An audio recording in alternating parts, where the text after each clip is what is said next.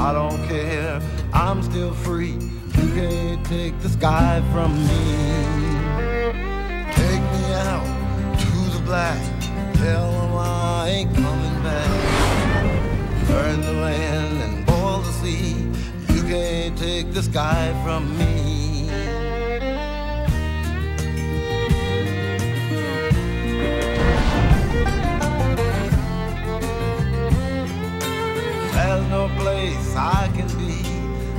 I found serenity. But you can't take the sky from me.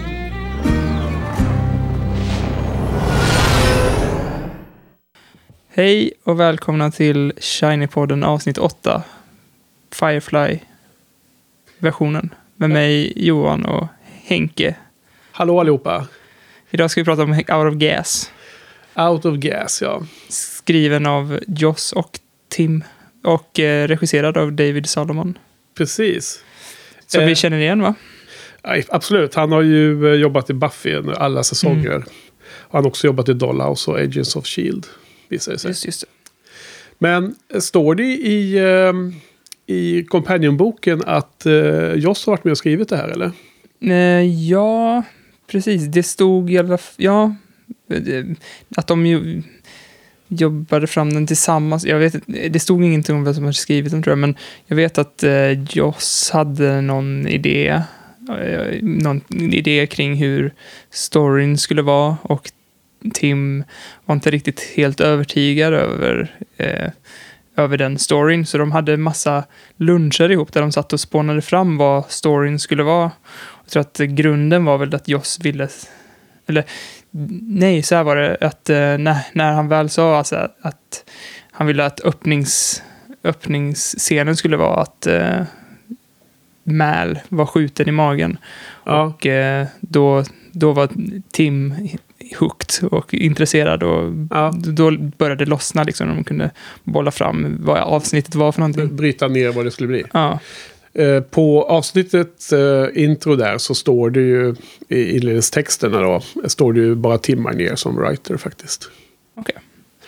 Ja, spännande. Men det är, ja, det är säkert som med Buffy att det är väldigt mycket team effort allting. Jo. För, Ja. för det verkar ju också som att eh, David Salomon har varit, haft mycket med i, fing, i spelet. Liksom, mycket i, part i att utforma hur avsnittet, det här med tidslinjerna och det här. Okej, Så vad att- spännande. Ja, Att han hade eh, delar i det. För, för det är ju en, en, en av de viktigaste eh, sakerna med det här avsnittet är ju dess eh, uppbrutna tidslinje i berättartekniken. Då, mm. med tre olika tidslinjer. Jag fick ett mess av dig där du skrev att jag inte skulle kolla på kommentarsspåret. Var det för att du hade sett det och sett spoilers eller?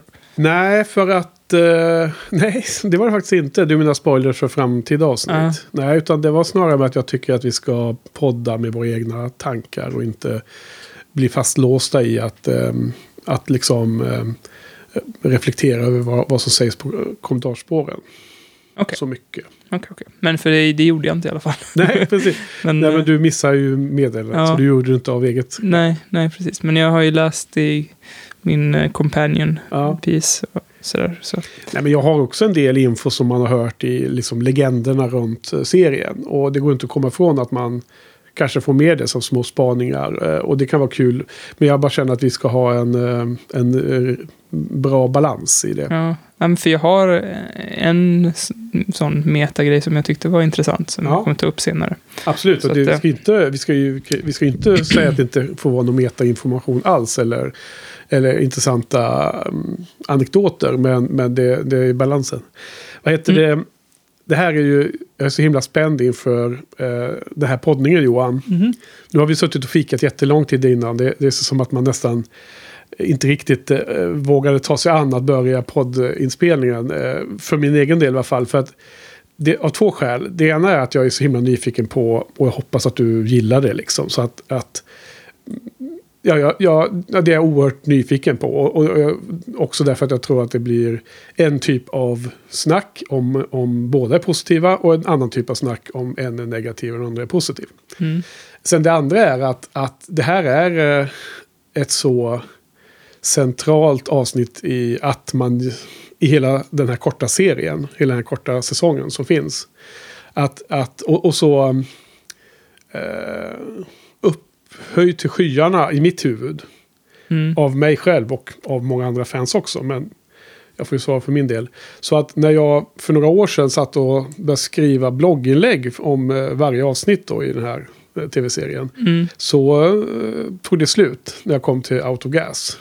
Då blev du out of gas. för jag, kunde, nej, jag, försökte, jag skrev det inlägget om och om igen. Jag fick aldrig till det tillräckligt bra för att jag skulle tycka att det liksom matchade avsnittets... Eh, Ja, vi får se hur många gånger vi måste spela in det här poddavsnittet då. ja, precis. Men det är därför jag blev lite... Jag, jag, jag kom att tänka på det, liksom, att jag har liggande på min blogg opublicerade försök, det senaste försöket så att säga. Så jag, jag publicerade de sju första avsnitten och finns på min blogg, men sen, sen finns ingenting mer. Mm. Mm. Spännande. Ja, så eh, det här är ju en eh, exercis i eh, manusskrivande kombinerat med klipp, klippande av ett avsnitt, Ja, verkligen. skulle jag säga. Ja. Jag kan bara flika in också att du, du, skrev, det här är svar på vad du sa alldeles nyss, eller för ett tag sedan, att du skrev till mig att du tyckte det var så jäkla bra och du har ingen aning om vad jag tycker. Då. Jag Ja. vet att du älskar det, du har ingen aning om vad jag tycker Nej. om det. Nej men eh, det första som slog mig när, när avsnittet sätter igång, liksom från första sek- sekunden, det är ju att, att man känner av på en gång att nu har Joss tagit i från tårna. För man, har man sett så mycket Buffy som vi har gjort så känner man igen att det här tonskiftet betyder att nu, har det, nu är det ett annorlunda avsnitt. Ja. Nu har de eh, försökt att göra något eh, utöver det vanliga. Så att det, de förväntningarna som sätts när man känner av det tonskiftet som man är van vid, typ när eh, Buffys, ma- det där avsnittet med Buffys mamma, jag ska Ja. inte spoila Buffy, men eller eh, den här musikalavsnittet av Buffy, så, så här, ofta så känner man av liksom från första sekund att det här, nu är ett, en, en annan typ av avsnitt än vad vi är vana vid. Precis, de signalerar med formen också att nu är något extra. Ja, Så som i det avsnittet i Buffy där halva avsnittet så är det ingen dialog. Liksom. hasch. Ja, Ja, men precis. Och, eh, och det har jag sagt i många avsnitt nu, men det är tur att man ser om de här avsnitten nu en Mm. andra gång. För att nu är det en lite annorlunda eh, anledning till varför det här avsnittet blev bättre på ett, en omtitt. Och det var ju för att när man har de förväntningarna att man ska, vad heter det avsnittet med eh, Buffys mamma? The Body. The Body, ja. när man, om man tänker att det här ska vara ett The Body, för att det kändes, det var ju lite allvarligare ton liksom i början. Mm. Och tänker, okej, nu, nu jäklar kommer vi få se ett The Body. Då, och om man läser i Companion Piece också så är det ju ett av tre av eh, Joss favoritprojekt som han har jobbat med. Och då kan jag bara tänka mig att The Body måste ju vara ett av hans favoritprojekt. Liksom. Så att, Ja, inte säkert, men det kan vara. Det stod det inte vilka de andra två var? Eller? Nej, nej, nej, det stod faktiskt inte. Ja, men det, går, det finns säkert att ta reda på på nätet misstänker. Mm. Men, ja, för det... För jag kan tänka mig att det är svårt, att du tänker att det är svårt att ha det som favoritavsnitt, men på grund av temat, liksom. Men jag tänker ändå att det måste ju vara någonting som Joss är väldigt stolt över. Om jag fick gissa fritt så är det väl typ... Ja, det, Nej, men jag, jag, det, det jag tänkte på, var, vad jag menar var att ehm, jag tänker att han kanske väl skulle välja ut de som är eh, eh, mer alltså, extraordinära, extrema i sitt format mer än det känslomässiga impacten som avsnittet kan ge. Till ja. exempel så att det kanske skulle vara musikalavsnittet då som är mycket mer en, en liksom Ja. eh, curveball på sidan av det Jo, men vanliga. precis. Det, det musikalavsnittet och Hush och The Body.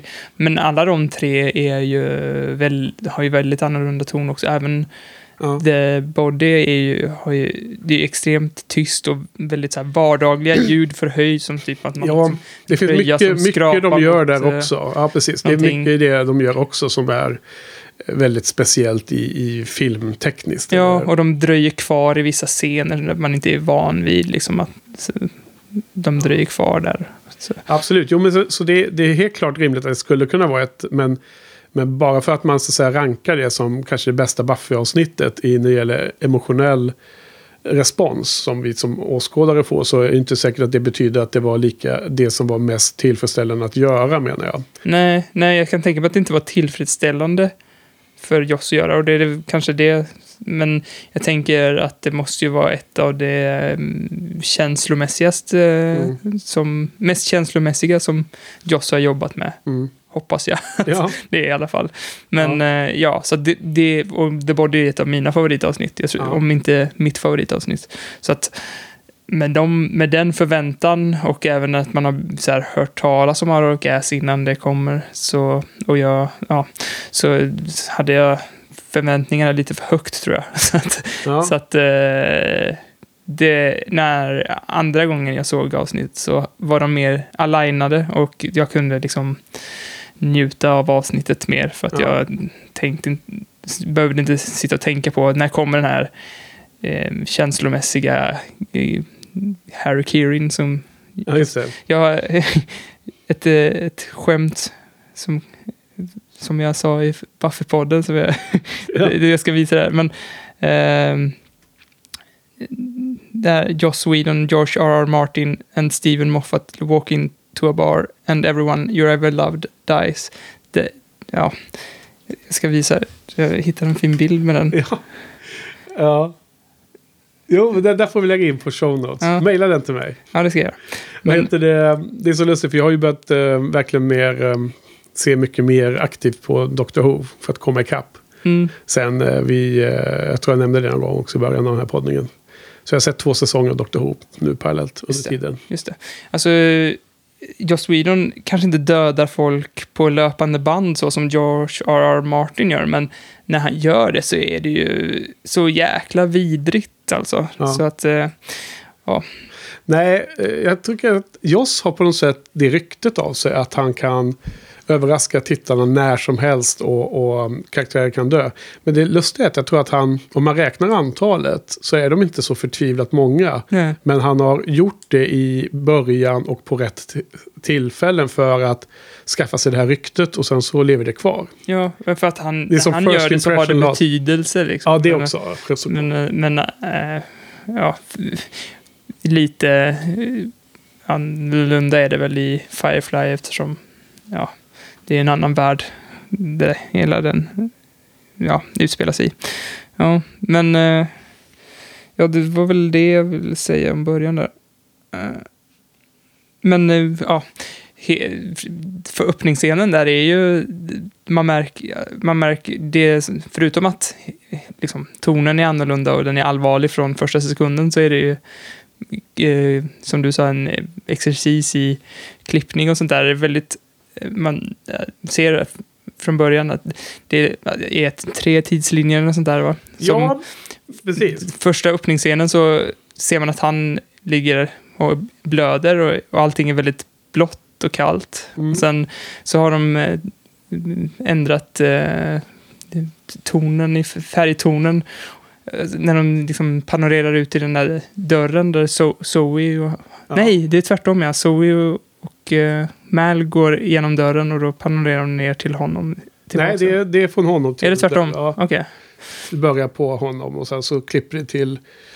Alltså det är ju nutid som eh, vi, vi får se första, första shotten när han är skadad. Ja. Ti- till slutet på avsnittet när allting har blivit bra. Det är ju nutiden. Och det är ju blå, blåtonad. Det är Alla- nutiden. Ja. Jag räknar det som det som framtiden. Jo, men det, är som det är det som börjar när avsnittet börjar så är det liksom realtiden då som är nu som man följer framåt och ända in i mål. Sen finns det då kort då, dåtid som är mellan två och fem timmar. Alltså mellan noll och upp bak till fem timmar ungefär tidigare. Mm. Det är som när de har middag och när det blir fire och, och sen att de, han skickar iväg de två sh- shuttles. Och han blir ensam kvar. Och sen kommer SS Walden och så blir han skjuten. Det är ju liksom, det har ju hänt före vi, vi ser första scenen. Ja. Eller första klippet. Och där är det ju neutral färg. Det är liksom nom, den normala färgen. När, när allt är som normalt på skeppet. N- när då, menar du? Ja men det är den här kort, den här som har hänt precis före första shotten är ju de här timmarna före liksom när allting, elden och allting har hänt. Mm. Som, som då kulminerar med att eh, SS Walden kommer fram och han blir skjuten av kaptenen där från SS Walden. Mm. Men det händer ju före den förs- första shotten. Ja, ja, men jag, jag, ja, precis. Det är bara att jag tänker att det, det, man börjar med en flash forward och så får man se en flash backward och sen är vi i nutiden och sen sakta men säkert knappar vi in på framtiden och sen Jo. är man helt Ja, i det- synk med framtiden. Det är skitsamma vad man Ja. kallar den där. Men för man, man, får se, en- man får se allting som händer fram till eh, de har kommit tillbaka och de, Mm. de har, har överlevt liksom. Men sen finns det ju då den här eh, längre bak i, i dåtiden då. Och det är det, det som är sån här gul-orange eh, tint eller Mm. färgskala. Och då är det liksom de här långa minnena bakåt som är eh, eh, origin stories för alla. Eh, både Serenity-skeppet, första gången de, både de köper det och när de inspekterar det då. Mm. Och sen är det då när, vad är det? Kaylee, Jane, Inara och Wash, alla de. Mm. Eh, hur de dyker upp på skeppet då. Så det, det är ju en fantastisk eh, eh, utmaning att berätta en historia på ett klart sätt. Och laborera med de här tre olika tidsperspektiven. Och nästa grej som är så himla underbart med det här avsnittet. Och jag har sett det bra många gånger, eh, mer än två, tre gånger också. Mm. Och det är fortfarande så att det, det håller liksom många, många tit tittningar. Det är liksom att det är, det är en väldigt eh, dramatisk eh, eh, alltså drama i eh, eh, de här nutidsscenerna och hur vi nu ska kalla dem då, och vara överens om. Eh, det som vi ser i det blåa Mm. ljuset. Det som jag kallar flash forward. Ja, även om det inte riktigt känns som en flash forward så vi får följa hela den sen. Men ska vi kalla det för flash forward? Det blir, det blir eh, kanske enklare. Ja, det, det var så jag, alltså det var, för då har man ju två ty, det blir tydlig, tydligare eh, avgränsningar mellan dem. Eh, För- för, för- sen har vi den här ehm, långa bakåt i tiden som alla minnen. Alltså, de är ju oftast ganska humoristiskt orienterade. Mm. Wash där med hans eh, lustiga mustasch och Zoes kommentarer om he, he, he bothers me liksom. Mm. Uh, givet att de sen då blir ett par och Kayleys introduktion och med Genius Mechanic och Bester och Mm. hela den biten. Och, ja, eh, Inara inte, spelas ju inte bara för humor direkt men det finns en del under, väldigt underfundig dialog där mellan Mal och Inara när hon är på intervju att få hyra hennes shuttle. Eh, den är underfundig med tanke på att vi vet sen hur deras relation eh, byggs vidare liksom. Mm. Eh, ett eller två år senare eller vad det nu kan vara. Och det är med Davids lustiga namn på hela serien, Blue Balls in Space. det är som, som inleds redan där när hon säger så här. eh, You're gonna rent this shuttle to me. Och You want, because you want me. Because you want me, ja precis. så. och där är vi inne på den andra grejen. Dialogen är också helt briljant i det här avsnittet. Det är så otroligt många gånger som dialog har dubbel betydelse. Och som de direkt eh, drar bort eh, mattan på den första betydelsen. Mm. Liksom de säger you want me och så tror man då att det är sexuellt eller liksom så. Mm. Och sen så det, har hon en annan förklaring vad hon menade. Att, att hon kommer ge honom en, en eh, väg in till olika eh, opportunities för att hon har eh, en companion. Ett annat sånt exempel är ju när Rivers är fire. Och Simon tolkar det som att han ska blåsa ut ljusen fast hon har då för, föraning om Ah, eh, explosion i eh, maskinen och det börjar brinna. Eh, vi, har, vi har annan som är när, när Zoe ligger i sjukhytten, där sjukstugan. Och är liksom helt avsvimmad. Så, så, sitter, eh, så står Kaylee utanför och Mal, Mal går ut och pratar med henne. Och Kaylee säger She's not moving.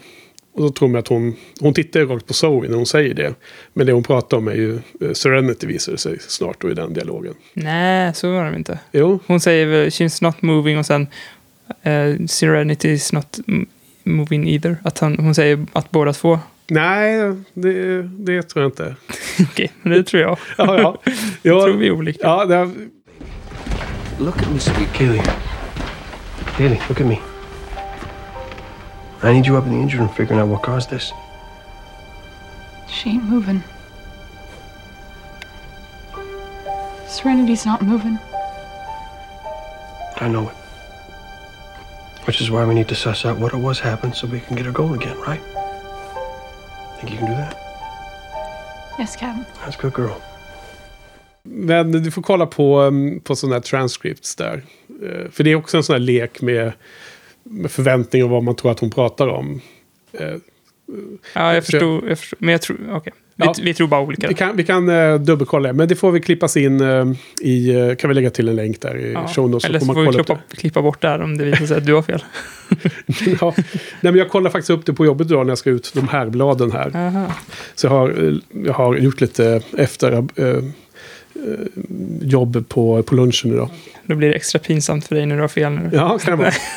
Nej, men det var ju som att sen- exemplifiera en, en eh, teknik som gör att ehm, eh, det finns en, en sån aspekt av dialogen som Ja. är väldigt eh, Men jag tycker även om... äggande under hela avsnittet. Ja. Även om hon säger det liksom, för att mena båda två så eh, är ju din poäng står ju kvar även i den dialogen. Och jag det slog mig också att det är samma sak när, eh, när eh, Jane kommer och säger eh, åt eh, Mal och Inara att sluta bråka. Ja, Mallow och Wash, ja. De håller på och skriker på. Ja, just det. De två var det som bråkade. Så tror man att det är för att han tycker att uh, how can you fight in a time like this? Och sen, Ja, och så tror man att han är liksom varmhjärtad och ja, nu måste vi som eh, stå och kramas istället. alltså, you'll use up all the air, säger han. Ja, precis. Ja. Ja, det, det, det är många sådana saker. Och, nej, alltså, jag, har, jag har nog kunnat poddat om det avsnittet utan att se det nu i veckan alls. Och nu har jag Mm. sett det två gånger. Men eh, jag skrev ju hälften av mina notes innan jag såg det första gången. För att det är liksom som att jag kommer ihåg scenerna i huvudet otroligt tydligt. Det, det, det har en special place i... Ja, inhale. Ja, men Ja. jag... eh, jag eh, har ju en sån film som jag också så här, kom, jag kan varenda scen utan till Ja. Och det är Smala Sussi. Och Smala Sussi kom ett år, jag kollade upp det här igår. Ja. Det var ju också sån här prokrastineringsgrej. För eh, det finns en scen här där den här Genius Mechanic säger Mm. Genius. No one's ever called me that before. Shiny. Det finns en exakt sån scen i, i Smala Sussi också, där eh, eh, Pölsa säger smart. Fan, bra sagt, jag har ingen kallat mig förut. Ja, ja. och eh, och jag, det, är en sån quote som jag, eller det, är- allting i den här filmen har jag quotat, men det är en sån quote som, man säger då och då. Och sen Ja. finns ju en möjlighet att det faktiskt kommer från Firefly, eftersom ja, för du kollar upp datumet där, sa du. Ja, om, om den filmen kommer ett år efter, N- ja. När kom uh, Smala Sussi då? 2000 någonting. Nej, jag vet. Ja, för det här Eh, gick ju på TV 2002. Jag, jag kollade ju bara upp det här igår, så det Ja. var ju jättelång tid sedan Ja. jag kollade upp det, så det är inte så lätt för mig att komma ihåg. Nej, men vi... eh, Det, det här Smala Sussi gick efter Firefly alltså. Ja, ehm, och eh, då tänker ett år efter. Den, 2003 kom Smala ut. Och då kom ju säkert Firefly 2002. Ja, den gick på TV då. Ja, Mm. och då kan jag tänka mig att, eh, att eh, Ulf Malmros har sett Firefly och sen om det är ett år innan så är det väl då man skriver på manuset Ja. kanske, eller putsar. Och, Ja, precis. Och det kan man slänga in i sista sekunden när man spelar in scenen också. Ja, men verkligen. Sån, sån Så att- förbättring av, av... Men vad lustigt. Och, men det, just, det, just det citatet måste ju såklart klippa in i, i eh, avsnittet här med, med. Sussi också. Ja, det Orkar du leta upp det? Det där jag bara menar att... Det, för, jag, för jag spenderade kanske en halvtimme på att hitta det klippet på YouTube, men Ja. jag fick inte tag i det. Alltså alla klipp jag, jag klipper in är ju från, eh, tar jag ju och spelar av ifrån avsnitten på datorn. Ja. Spelar in. Har du Smala Sussi på? Nej, men det går väl att fixa. Men det jag menade var inte Smala Sussi-citatet, även om, om jag snart har målat in med ett hörn så jag måste göra det. Nej, men du har ju min, eh, min ultimata eh, härmning. Ja, den har jag jag härmar också. pulsa. Nej, men det är därför som eh, podden fick det nya namnet efter Buffy-podden var över. Så blev det ju Shiny-podden. Mm. Och det sägs ju Shiny ett antal gånger i serien förvisso. Men det är just det här citatet av eh, Genius Mechanic Bester som var det som var i mitt huvud när jag eh, kom på Shiny-podden som förslag på nytt namn. Mhm. Så att därför menar jag att den, eh, den scenen är extra Jaha. rolig. Ja. Eller Inte extra, men det har en metabetydelse runt våran podd. Men, men eh, lustigt är, eh, Smala Sussie har jag faktiskt sett och eh, den gillar jag också skarpt. Eh, alltså det är ju långt ifrån eh, hur jag hyllar eh, Firefly som serie, men jag tycker att Smala Sussie är en otroligt eh, bra film. Så att eh, det kan jag absolut skriva under på, att den är både bra och vad heter det, citatfylld. Eh, eller Ja, verkligen. Och Jag hamnade i någon slags or, vad heter det? wormhole med, Citat. Ja. av YouTube-klipp. Alltså, eh, jag tyckte inte att pappas pojkar, mammas pojkar, att den var jätterolig när jag såg den. Men fan vad mycket citat det finns i den också. Ja, det har jag däremot inte sett. Men du, har ju inte undrat på att det blev sent igår för dig. Nej, nej, Om nej. du ska sitta och, göra sådana här sökningar parallellt också. inte, jag vet inte vad det är med mig. Jag kan Ja. inte koncentrera mig. Ja. ja, men det är ju superstungt att eh, ha sett avsnitten två gånger i alla fall. Och jag, jag tror också att det är precis som du säger att eh, och det har jag alltid hävdat också, kompisar och sådana, att eh, det här är en serie som växer så himla mycket när man ser om den. Mm. Eh, Men åter till den här scenen just när, för, för det var ju intressant. eh, Jag har skrivit det eh, någonstans här i mina notes att nästan varje, alltså i princip varje scen har intressanta saker att prata om. Mm. Så här är faktiskt, ehm, nu kommer vi inte göra det, men det är faktiskt ett avsnitt där man skulle kunna tagit det scen för scen. Så som David Chen gör. Ja. Men, men just scenen när um, Kaylee säger att she, she's, she's not moving och, och Mal och de pratar om Serenity. Då, då vet jag på forumet där ehm, så diskuterades det på Firefly-tråden om att det var helt fel sagt. Därför att i rymden, om man åker i rymden och bara stänger av motorn. Så kommer du fortsätta framåt i samma hastighet du har. Mm. För det är vakuum runt omkring. Okej. Så du kommer inte accelerera och åka snabbare och du kommer inte heller stanna upp.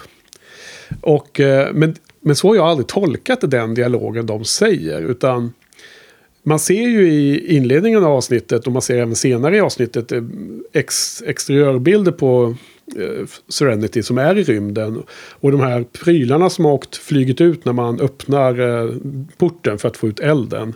De ser man ligger där ute i rymden framför dem liksom. Mm. Ja. Så att allting rör sig med samma hastighet där.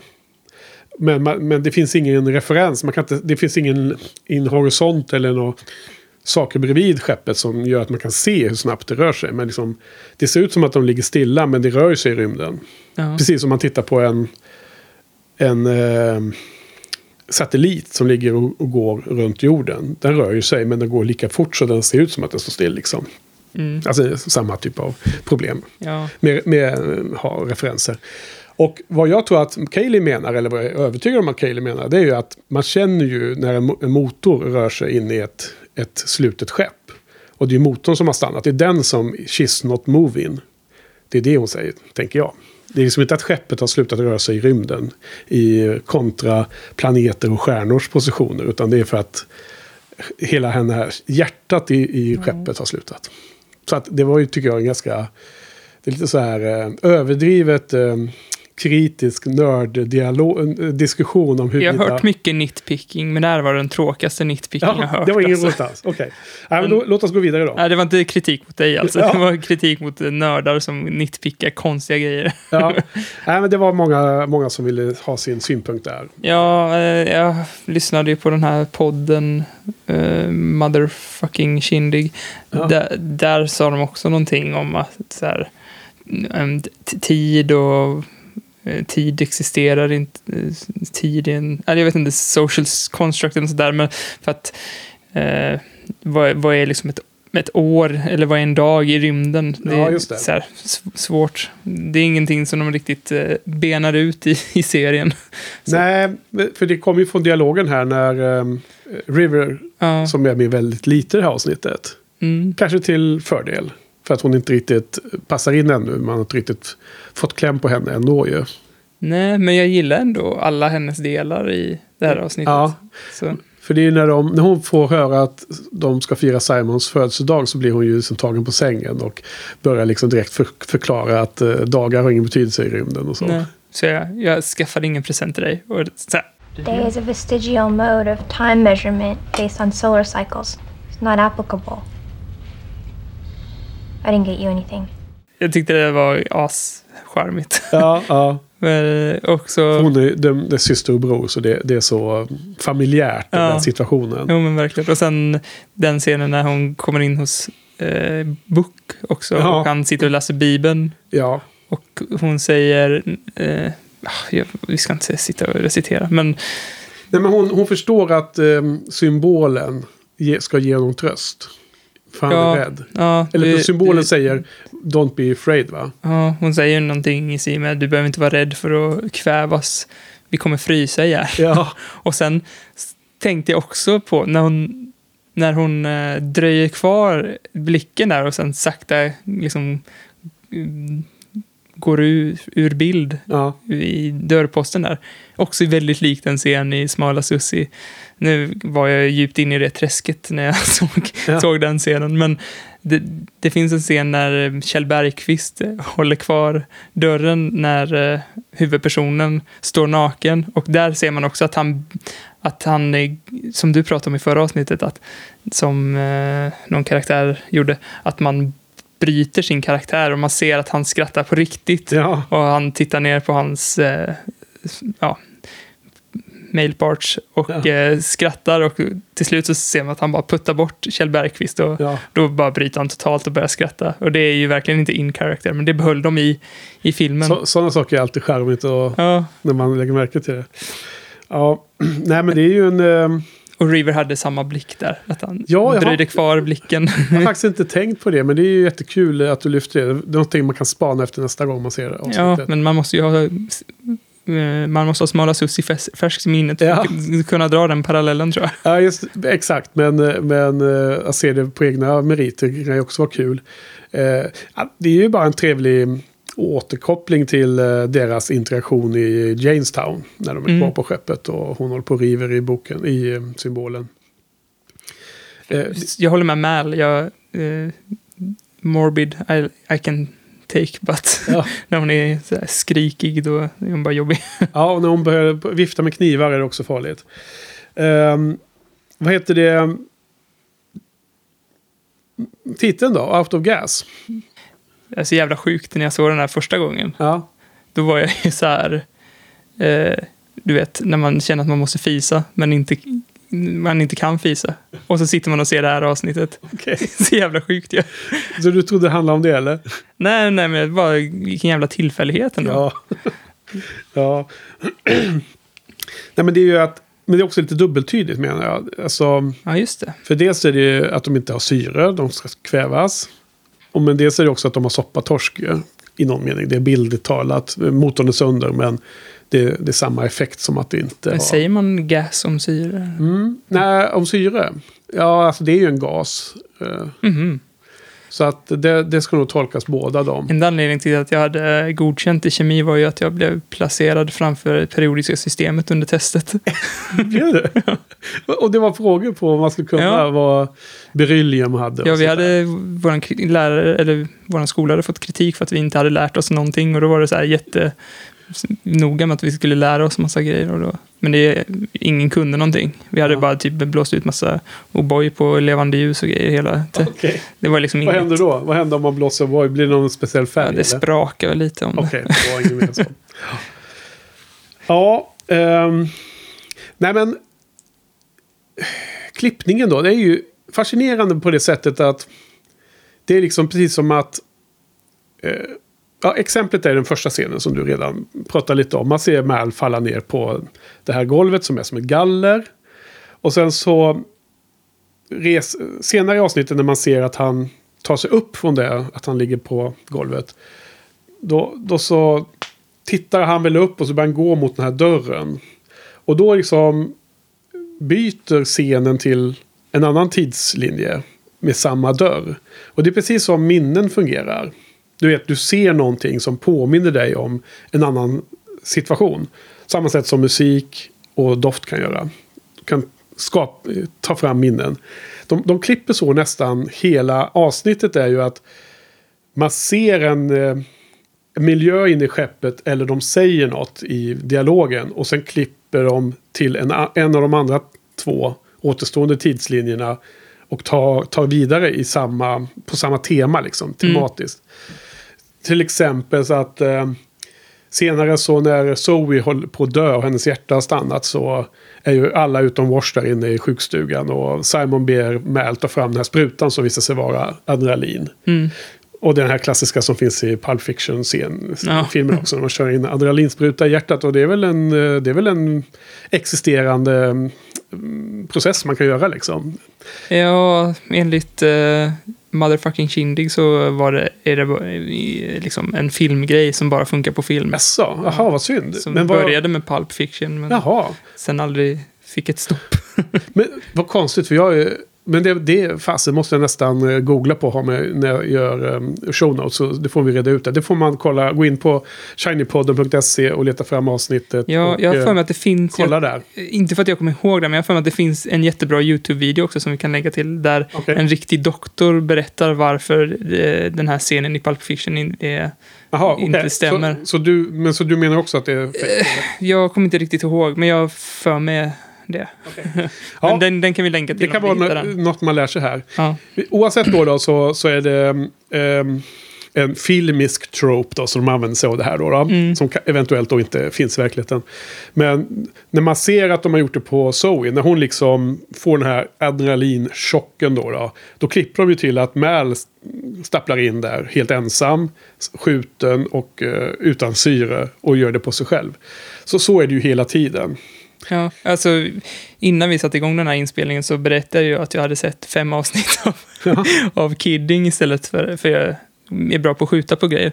Så att, eh, och den är ju regisserad av eh, Michel Gondry och Ja. han är ju sån jävla expert på sådana övergångar. Ja. Och där, i, i alla fall, Det var som uppvärmning för dig. ja verkligen, och första gången jag såg så hade, tänkte jag inte på det. Men efter att ha sett eh, den här Michel Gondry-serien, där till exempel så är det så en gurka som man får se processen från liksom, till att de plockar den, från att de plockar den till att den hamnar, att någon kastar en gurkburk på någons dörr. Jaha. Så de övergångarna mellan i processen är väldigt snygga och, och eh, efter att ha sett, eh, Michel Gondry har ju massa sådana olika övergångar, men efter att ha sett det så tänkte jag extra mycket på det i Firefly, att han hade väldigt mycket sådana, och det är väl Ja. David Solomons fel, misstänker Ja, jag. men det är så himla bra att Mm. han... Eh, jag hade ju i mitt huvud trott att det var Tim Minears eh, bidrag i första hand.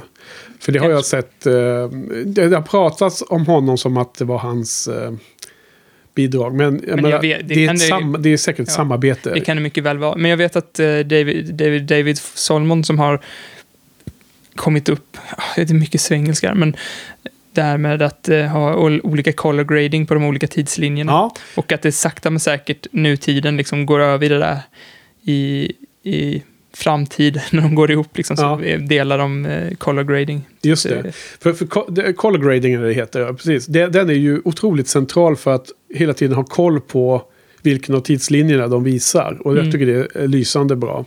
För att ett sånt här komplext avsnitt som det trots allt är, får man ändå ge det. Mm. Eh, om, man, om man hela tiden har känt sig att man inte förstår vilken av de tre tidslinjerna man är i, då hade du fallit platt på marken skulle jag tro. Mm. Ja, för jag hörde också MF Kindig sa att, eh, eller, nej, jag vet inte, det kanske var kompendiet, skitsamma. Skitsamma. Det, att eh, de bolaget sa att de inte, det här, de gör det här avsnittet i kronologisk ordning, det blir för förvirrande att ha det så här upp i olika tidslinjer. Ja. Och då hade de gått tillbaka, eh, Tim Miner så här, sa jag, eh, I'm out om inte jag får ha de här tidslinjerna. Ja. Då, då skiter jag i det. Och Joss sa, ja men då, jag backar dig, det, jag förstår det. Ja. Och sen Så har de gått tillbaka, ner- Blev nedlagda. nej, och så går de tillbaka och säger, vi, vi måste ha det här. Och de bara, okej. Och, Ja. då, och då kände Joss så här, okej, de, det, det var tillfället där de bara, skit, vi skiter i det där nu, de får göra vad de vill, vi lägger ner skiten ändå. Liksom. Att, att det här var liksom tipping point för dem. Ja, kanske. Men då I så fall så fick världshistorien autogas åtminstone, även om det kostade mer säsonger då. Eller Ja. mer, mer av, av säsongen. Ja, men det var, väl, det var väl säkert bara droppen liksom, Ja. som fick... Eller de, här, de kanske redan hade bestämt sig att det ska ändå läggas ner, så de får väl hålla på bäst de vill. Liksom. Ja, intressant det där. Ehm, ja, men det, det är som att ehm, eh, när Mal har skickat iväg eh, alla andra åtta i de här två shuttles Mm. så eh, rör han ju sig in i skeppet. Och det är liksom som att... Eh, nu har inte jag mappat ut det här liksom i någon slags diagram då, som man säkert kan göra nördigt nog. Men jag tror att det på något sätt speglar resan, ja, de andra tidslinjerna speglar hans, hans rörelser när han är själv på skeppet. Mhm. Och, och det syns i vissa sådana här eh, korskopplingar som till exempel när han tar adrenalinsprutan. Där liksom är samma punkt. Han kommer dit och de andra har varit där. Alltså det, allting återupprepas i hans, i, hans ensamma resa. Eller resa, hans eh, rörelseschema på skeppet. Ja. Eh, till exempel när han är efter han är skjuten och när han är eh, som mest illa däran och det dessutom inte finns så mycket syre kvar som man har det här eh, varningsljudet som kommer. eh, Check oxygen levels och så sägs det på kinesiska efteråt. Det är sån här en kvinnoröst. Det är precis som med aliens och så här, du vet. Eh, då, då han kommer närmare maskinrummet så, så ser man att han liksom typ eh, stannar upp och vänder sig om. Och då, och då liksom gör kameran en sån här svängning eh, tillbaks i maskinrummet. Det är då man klipper in till den här scenen med eh, när Kaylee introduceras. Ja. Så att liksom alla de här stegen han tar, det, det är inte så himla lång tid om det, om det skulle visa sig i, i rak eh, tidsordning. Så som eh, studion då ville ha det till. Det, det är inte så himla långt, men eftersom de hela tiden, varje nytt ställe han kommer till i skeppet så finns det en, ett gammalt minne eller en nyligen hän, händelse som, som man klipper till. Mm. Och det är det, jag- tycker det är så jäkla briljant alltså. Det, det, det attraherar ju absolut ens eh, liksom intellektuella fascination över kli- klipptekniken och hur de har tänkt ut det. Ja. Men det attraherar också liksom eh, mage och hjärta liksom. Det är både en skön eh, eh, stämning och feeling i eh, de gamla scenerna och det är också dramatiskt som man liksom känner för. Eh, Ja, också som Joel brukar säga så blir man ju också som så filmintresserad lite imponerad över hantverket liksom, Ja. och inspirerad också kanske. För det är ju någonting som Michel Gondry också är, han är väldigt inspirerande hans grejer liksom. Ja. Men, även om det inte är det bästa man har sett så är det väldigt, alltså det, det, blir, blir du tårögd någon gång när du ser det här avsnittet? det blir du inte. ja, nej jag tänkte av kvaliteten som Joel Ja, blir. ja blir Eh, du det? Nej, jag tror jag aldrig har blivit tårögd för att det är någonting är skickligt klippt eller bra ljussatt eller sånt Ja. där. Det är, där. Det är mer så här handling och sånt där som kan Jo, göra mig Joel tårögd i det. så fall. Jo, blev ju det på någon av de här eh, Fast and the Furious-filmerna vi gick och såg på bio. Ja, väl, han tänker väl så här, vilket jäkla Excel-ark någon har suttit med för att få ihop det här. Ja, just det. Blir han tårögd? Ja. Ehm, nej, och det, det blir inte jag heller tårögd över sådana eh, tekniska finesser. Men ehm, jag blir inte heller tårögd över det känslomässiga impact i det här avsnittet. Och det finns ju många Buffy-avsnitt som man blev tårögd av. Mm. Inklusive The Body. Ja, Så och det var väl det jag satt och väntade på första gången jag såg den. Liksom, Ja. Snart kommer den här gut-punchen. Men det, Ja, nej, och den... den alltså, musiken är jättebra tycker jag i avsnittet. Och det, med. det är mycket mer ve- vemodigt än vad musiken normalt sett är i Firefly. Och, och Greg Edmondson är fantastisk här.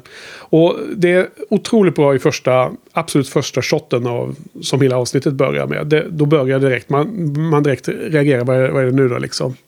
Men, det, men sen in, in i, i avsnittet så försökte jag, när jag, hörde, när jag såg avsnittet andra gången nu inför den här poddningen, försökte jag tänka efter, var är musiken som bäst då? För det är väl något man kan highlighta i en poddning. Och då kom jag fram till att när Mal har skickat iväg eh, eh, shuttlarna, eh, the shuttles, vad det nu heter på svenska, skytteln, eller vad heter Ja. det? Eh, med, och efter den här fantastiska scenen med Inara, som jag för övrigt ville prata om när vi pratade om Serenity, the pilot. Och när, när du sa att jag inte skulle eh, spoila vilka Ah, avsnitt. Så intressant. var, var det ju en scen mellan eh, Mal och Inara när han tar henne på axeln när, när de är rädda för eh, att Reavers ska boda dem. Ja. Och, och, och Mal säger till Inara att hon ska åka iväg med shuttlen och att och han och de andra kan försöka stoppa Reavers ett tag. Ja. Den är ju, det är ju som en eh, för, för scen till den här scenen när, i Autogas tycker jag. De hör ihop. För här, här säger ju Mal att åk iväg med, med Jane och vilka nu är som ska åka med henne. Och hon säger till honom där, men följ med, liksom, du behöver inte stanna på skeppet. Du behöver inte vara som en gammal antik, antik ja, kapten som ska gå under med ditt skepp. Come with us. Can't. Four to a shuttle, Honora. Four. One more. You know it can't make a difference. Not now. I'm not leaving Serenity. Mal, you don't have to die alone. Everybody dies alone. Och den här liksom... Eh, You don't have to die alone. Exakt. Everybody dies alone. Och bara att kunna... För, för, för övrigt då, att bara kunna leverera den linen är ju fantastiskt bra. Alltså, han, alltså det här är ju Nathan Fillions avsnitt tycker jag. Det är han som är... Alla är bra alltså. Men ingen faller ur, ur eh, ramen här. Det är ingen, ingen som gör en dålig Nej. känsla. Det, det är ingen som man liksom känner att det skaver och det här funkar inte. Men, men eh, av alla bra så är Nathan Fillions absolut det klart bästa tycker jag. Ja, jag håller med. Men också, och alla är som sagt väldigt bra. Men Wash tycker jag, han, vet han som spelar Wash, Alan Tudyk. han får ju flexa sina muskler där. Ja. Och han är ju också svinbra. Han Alltså. är så himla rolig ja. Ja, men i, i det här avsnittet fick han ju också visa att han kan spela bitter och sur och inte all, älskvärd. Liksom. Och Ja. han gör det så jävla bra det också. När, Ja. han, när han sitter där uppe i cockpiten eller vad Ja. kallas. eh, Och, eh, Styrhytten. Ja, och Mal säger att han ska skicka ut någon signal Ja. eller något sånt där. Boost. Och han bara, det är en, liksom jätte, det kommer aldrig funka och bla bla bla. Och så, han är assur och frustrerad och arg. Och eh, bara svinduktigt, trovärdigt, Ja. allting där. Nej, alltså vad jag menar var att han, att han alltså jag, det var det här mer allmänt positivt som för honom som skådis. Jag, jag, jag tycker han är, han är överraskar alltid positivt till Tudyk. Ja. Ehm, men då i alla fall när, när har skickat iväg hela gänget och han, han går genom skeppet för första gången ensam.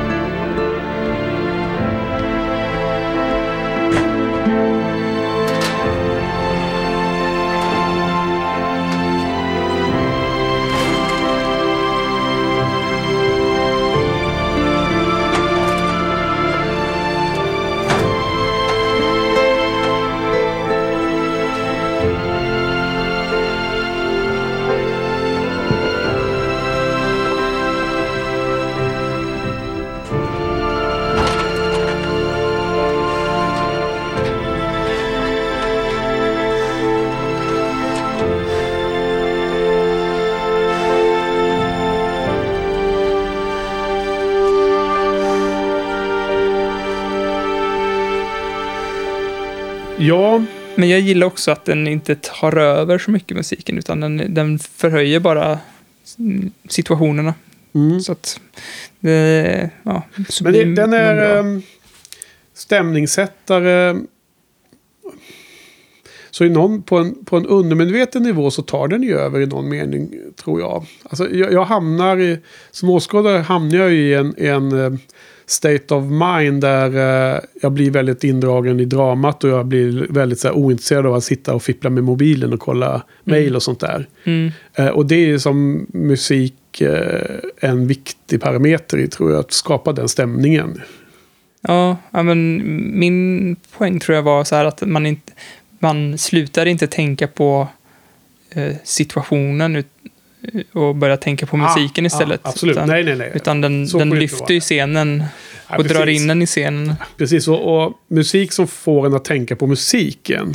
Det är oftast när det är negativt va? Eller? Ja, men- ja, men jag vet, ibland så kan det vara, ja, typ, typ i, eh, nu tyckte jag inte det var så bra, men i Buffy så har de ju så här väldigt känslomässig musik och man så här, eh, känner igen Buffy och Angels ledmotiv Mm. och man tänker så här, nu, nu kommer ledmotiv, man börjar tänka på musiken Ja. nästan mer än på scenen.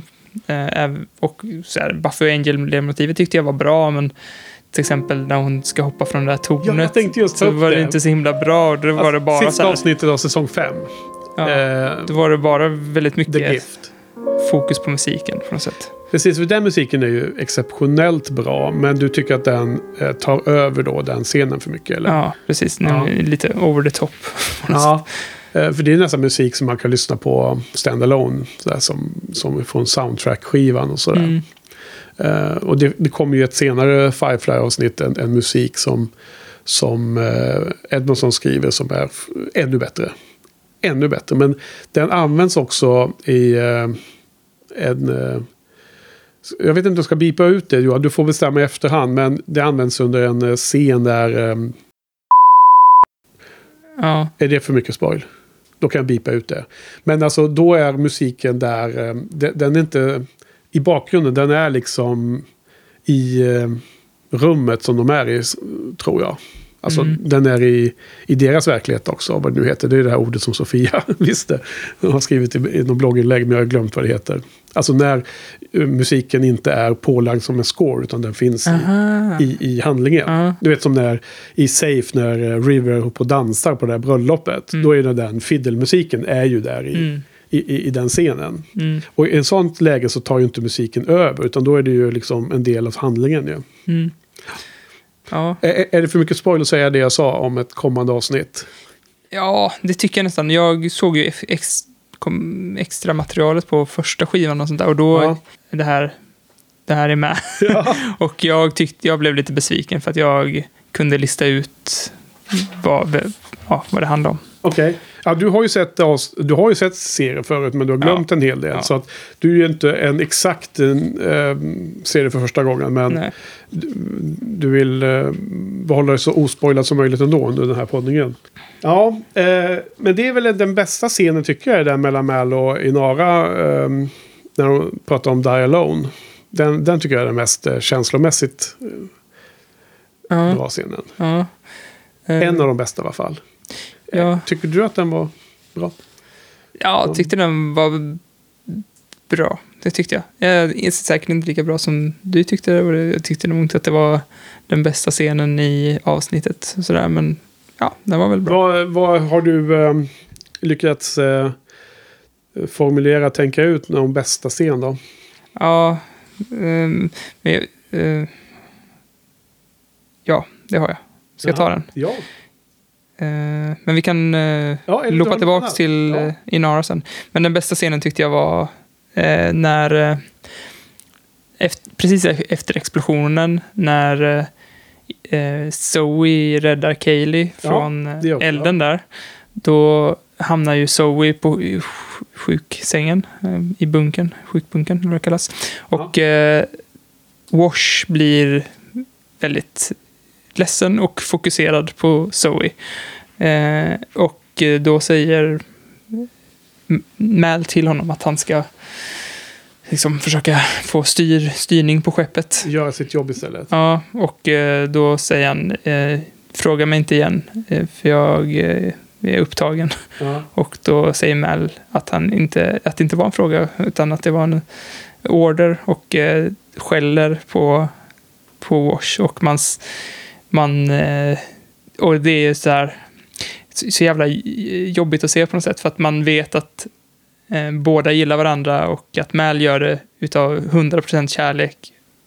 Står och skriker på, Jo, på någon som man gillar. Att att han måste göra det för att Ja. situationen kräver det på något sätt. Ja, och det som du har pratat eh, mycket om, att han är så jävla bra ledare. Han ser väldigt pragmatiskt på alla situationer och liksom kan eh, ha någon slags, behålla något slags lugn i väldigt stressiga situationer och sånt där. Att man blir så imponerad av honom.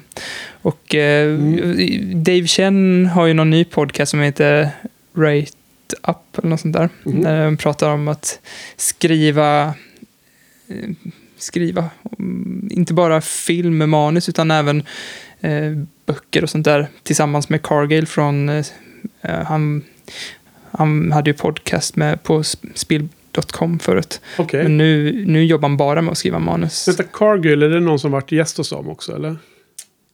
Vet inte, men det kan jag tänka mig, för de verkar ju vara buddies, eh, Dave och Jag han. tycker jag känner igen namnet.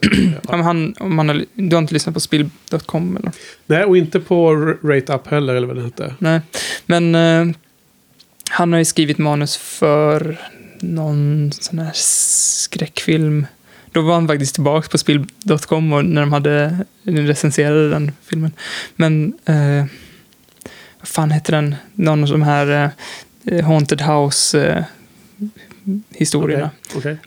Mm, Jag tyckte den var väldigt bra, den filmen. Men han, jag tror att han var med även på Doctor Strange. Han, Mhm. eh, ja, men han... Eh, och i, ett, I ett avsnitt av podcasten som jag tyckte var väldigt bra, då pratade man väldigt mycket om att eh, eh en väldigt central grej i när man skriver är att ha mm, att det är personers handlingar som gör personerna intressanta.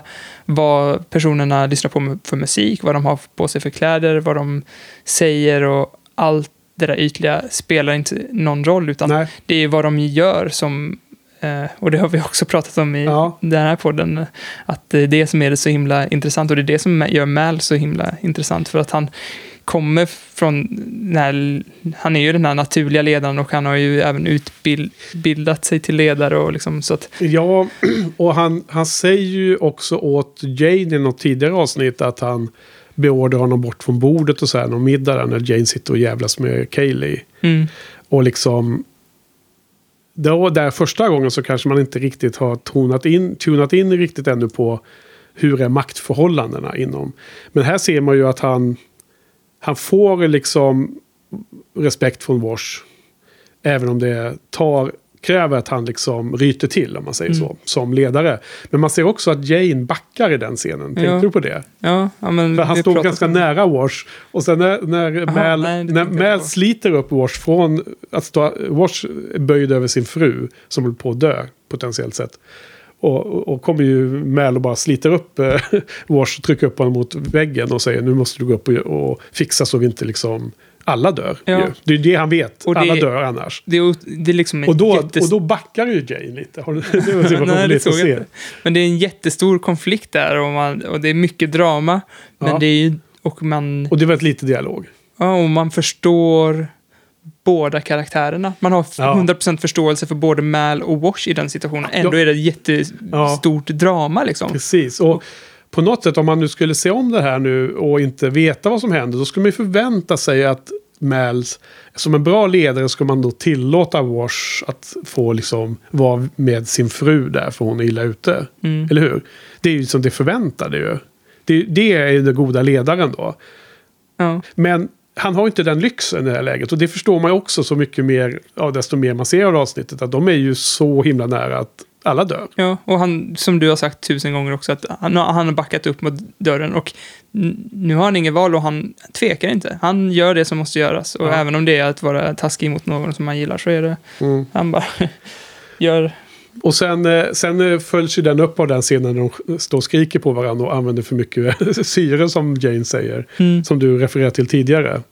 När eh, Wash är eh, bitter och sur och tycker allt är pointless. Då. Mm. Så boost the signal och gå upp på och divert the navsat eh, transmitter eller vad de säger. Och it would eh, boost the signal. Och det är lite lustigt för att i långfilmen Serenity så blir det ju liksom en liten echo av den här dialogen om the signal. Det finns ju Mm. en, en liknande ordet the signal blir liksom transfereras genom tid och rum ända in i filmen sen. Men vill du berätta lite, för att eh, i det här kompendiet så finns ju ett kapitel som heter The Signal, Mm. där man pratar, som handlar om fansen. Ja. Liksom. Vill du berätta lite liksom, vad kopplingen är Ja, alltså- mellan fansen och det här uttrycket the signal? Är det liksom att fansen kommer till undsättning på något sätt? Eh, Ja, men ehm, nu har jag ju ehm, lustigt nog då givit dig den här companionboken. Men jag har inte själv läst de här kapitlen. så jag, jag kan inte referera till exakt vad de har skrivit i den. Jag har ju, den, jag har ju ett eget ex här hemma ju. Så jag borde ha läst det, men jag har inte gjort det.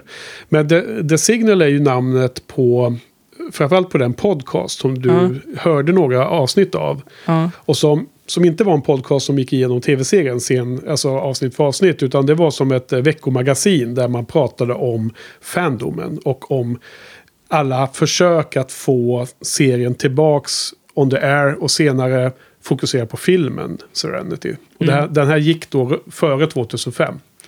Och när jag såg eh, tv-serien för första gången så var det ungefär runt 2004 så hittade jag ju den här podden. Och det var den första podcast jag lyssnade på. Ganska tidigt då om man får säga det själv. Eh, för sen var det ett- när jag slutade, när The Signal försvann ur mitt liv och den liksom inte gjordes nya avsnitt. Då gick det ganska lång tid innan jag lyssnade på nästa podcast. Som Mm. var eh, Filmspotting då för övrigt. Du vet den. Inte har du inte sett det? Nej, ja det kom lite senare. Men så det var ju ett namn. Och det var en sam... Den höll ihop fandomen där tror jag väldigt mycket i USA. Ja. Men nu vet inte jag då, eftersom jag inte har läst det här kapitlet i den här boken, om det, om The Signal i den boken handlar om podcasten. Nej, Men för de kan ju ha tagit det namnet från någon annat begrepp som fansen ja, hade nej men det var det, för det, det, det skrev de inte i kapitlet, så det var därför jag frågade dig ifall, ifall, man, ifall det finns någon så här att man, eh, ja du har ju koll på brown coats och sånt där, att man, att the signal, att, att det är att, eh, ett begrepp för att visa hur fansen eh, hjälp, hjälpt till för att få Firefly liksom på, eh, ja jag vet inte, Mm. få, få igång filmen och sådana grejer, hur de har ställt upp för serien. Ja, det finns ju också en dokumentär om ehm, The Brown det. Som heter um, Made Unpos- Impossible eller något sånt där. Ja, Made Impossible. Som Jane narrator. va? Det Ja, stod om det i, i Mm. kapitlet Ja, faktiskt. men jag har den, så den, kan- den kan vi kolla på någon gång. Ja. Ehm, Är den bra då? Ja, men den är ganska kul om man är liksom en fan själv. Att se Mm. baksid, eh, liksom behind the scenes på den här uh, movement. Ska vi se den till vårt sista avsnitt? Ja, precis. Um, wrap it up-avsnittet och prata lite om uh, serietidningarna, The Comics. Och så kan vi kolla på den också. Mm. Ehm, nej, så jag, jag, ska nog, jag får nog ta och läsa det kapitlet så får jag kommentera eh, vad de pratar om där i kommande avsnitt.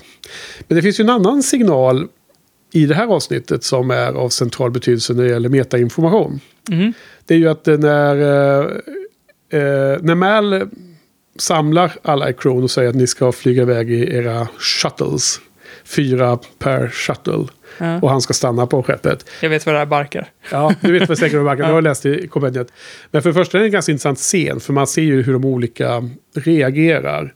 Ja. Jag menar, eh, Kaylee ser ju bestört ut. Och Inara ser också bestört ut. Men liksom Wash och Jane och så, de är ju på något sätt ganska hårda folk. Mm. Som de rimligen måste vara för att leva i den miljön de gör. Och ha överlevt liksom som eh, ja, personer i en sån här hård eh, environment liksom. De bara tar det här som, ja det är det, det, här vi ska göra nu. Det är ingen idé att börja liksom stå och göra group hug liksom och göra handhjärtan till varandra. Mm. Utan det, de går bara iväg och gör det de ska göra. Och då springer ju Wash upp och programmerar eh, någon signal som ska sändas till eh, de här två skyttlarna, eller vad nu heter på svenska. Ja. När, eh, eh, om Mal vill kalla tillbaks dem. Och det är den här röda knappen som är på sidan av eh, eh, panelen där då vid, eh, vid, vid piloten. Och när, ja, du vet ju det. När, när serien lades ner så tog de ju och monterade ner den och gav den fysiska röda knappen till Joss va? Det var inte så som jag hade hört historien. Nej? Jag hörde att eh, Wash hade slitit av den och Ja, den san- satt fast som satan och han okej, verkligen ja, ja. fått ta i för att få bort Det var, den. inte, det var inte monterat ner fin, finkänsligt. Eller Nej, det var, Och, när, och så tog, snod, snodde han den. För Ja. Det verkar ju vara vanligt att folk snor skit från set. För någon hade ju snott Janes huvud också, den där statyn. Pratar vi om det? nej. I Janestown så hade ju, om det till och med var Jane som hade snott huvudet. Ja. Så de fick så här ringa till dem, så vi behöver ha tillbaka huvudet, vi måste göra en reshoot. Så Ja. den första scenen man får se den statyn, då ser man att det är en spricka i statyn. Just Det är för att de har fått limma tillbaka huvudet. Ja, ja, ja, ja. sen är det ingen spricka i den Nej. senare.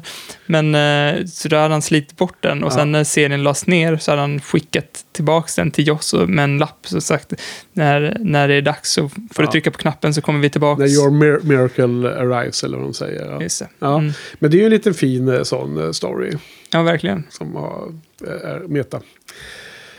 Eh, Ja, om jag ska fortsätta på metaspåret och, Mm. Ja. och, och eh, boomeranga tillbaka till Inara. just det. Så, eh, eh, vad skulle jag säga om henne? Eh, han, hon, eh, eh, jo, eh, när eh, Si- Simon eh, eh, sk- ska förklara hur man, eh, vad som händer när man dör Mm. och Inara säger att eh, hon inte behöver veta den informationen. Ja, precis. Att, det kan vi ta någon annan gång kanske.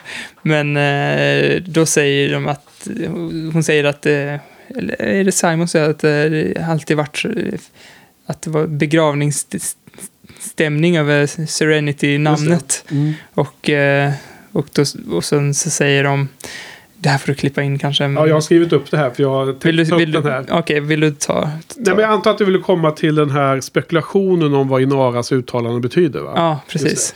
Ja, men de, de, eh, det här är ju en av många tillfällen där karaktärer som ofta klumpar ihop sig.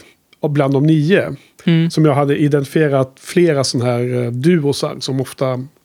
Och vi har redan nämnt att River och Book verkar ofta vara, liksom, ha interaktioner. Ja, Det är liksom ett återkommande att de har med utbyten. Och det är samma sak med Simon och Inara faktiskt. Och det kan man ju se nu fram till det här åttonde avsnittet.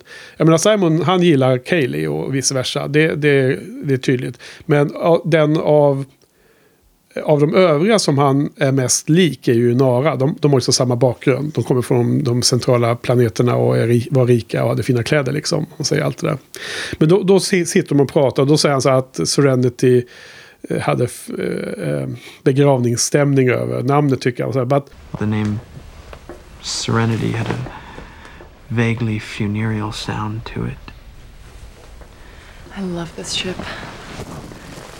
I have from the first moment I saw it. I just don't want to die on it. I want to die at all.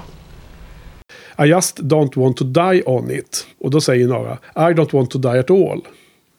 Med en viss ton. Och vad, vad, är, vad är spekulationen runt det uttalandet då? Liksom, Ja, det är väl att Joss har haft någon plan på att hon ska ha en dödlig sjukdom, eh, Inara. ja, Och det att- finns eh, spekulationer om det va? Ja, Är, är, det, är det verifierat nu? Eh, jag fick känslan av, jag kommer inte ihåg vart jag läste det, om det var i podden eller... Nej. Jo, det kan ha varit i MF Kinnig. Men då lät det som att det var verifierat, men det behöver det inte vara. Nej. Det behöver det inte vara. Men att, eh, att det, det var ett avsnitt planerat som skulle handla om hennes eh, dödliga sjukdom Mm. och att det här var en liksom... Eh, Det, för, det, precis det där har jag också sett om diskussioner. Men det är ju... Det har gått så många år nu så att man kan ju aldrig veta om, om diskussioner har tagits upp i nya trådar och där har blivit verifierade på något sätt. För att ibland så går de ju, skådespelarna är ju på olika conventions och sånt som vi vet. Jag har ju träffat några av dem på Mm. en convention i England. Och på de tillfällena brukar de alltid ha så Q&As och så. Och då, då, jag menar det har ju skådespelarna redan avslöjat massor med olika grejer. mm, Så det här kan ju vara något som har avslöjats utan man har råkat ha sett den infon. Men Mm.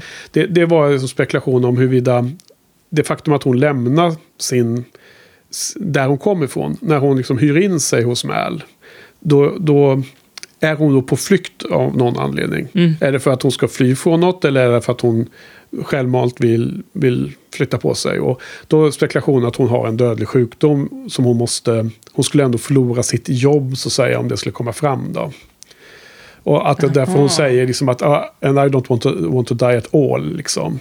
Eh, att det då refererar till att hon skulle vara i riskzon att, att dö tidigare än de andra. Eh, att det är någon slags så metafor för HIV eller aids eller något sånt där.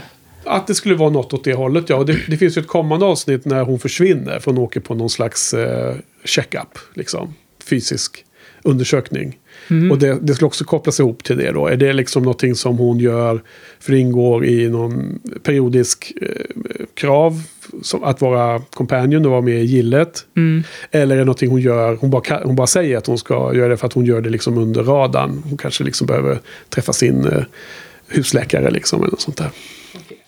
Ja, för jag, jag tänkte att, att hon flydde från eh, läkarna. Att hon så här, för det är också någonting som händer i Kidding, att, att det är en person där som är dödligt sjuk som bara nej, nu skiter jag i min medicin och så lever jag den lilla tid jag har kvar som, Ja, eh, som på ett bra sätt. Ja, Liksom. istället för att hålla på och ta den här medicinen som jag bara mår dåligt över. Ja. Så eh, att det är något sånt, att hon liksom försöker hålla sig undan från läkarna för att liksom, Ja, alltså det, och det, frågan är ju vad, hur sen Joss har ju då alla möjligheter att kunna, även om han då planterar de här kommentarerna i serien för att bygga vidare i säsong två eller tre eller sånt där. När det inte blir säsong två eller tre och han istället får göra en film, då, då har han ju alla möjligheter att bryta sådana idéer. Och i filmen så tar, är hon ju och jobbar på en companion house. En Mm. ut, alltså akademin, utbildningshuset. Så då är hon ju i det formella igen. mm, Så där bryter ju han då lite den kanonen själv då. ja. Och det har han ju rätt att göra för att det här är ju eh, oavsett, alltså det, det, det blir ju inte besvarat i de här få avsnitten i tv-serien som, eh, som finns. Nej. Så att tyvärr så får man ju inte veta mer av henne. Det alltså vid sidan av Book så är det väl hennes bakgrund som är mest höjd i dunkel och Ja. intressant att fundera på egentligen. Ja, för hon gör också någon kommentar eh, som det känns som att det har mer, att det har en sån här tve-betydelse, eller att det, det betyder mer än det hon faktiskt bara säger, att det, att det är laddat med mer information som man får reda på senare där, när hon inspekterar skytten, att eh, hon gillar när det är a few miles on it, eh, att, att eh, det är en, hon ser det som något fint, liksom. Mm. Ja, det skulle kunna komma att få betydelse senare, känns det som.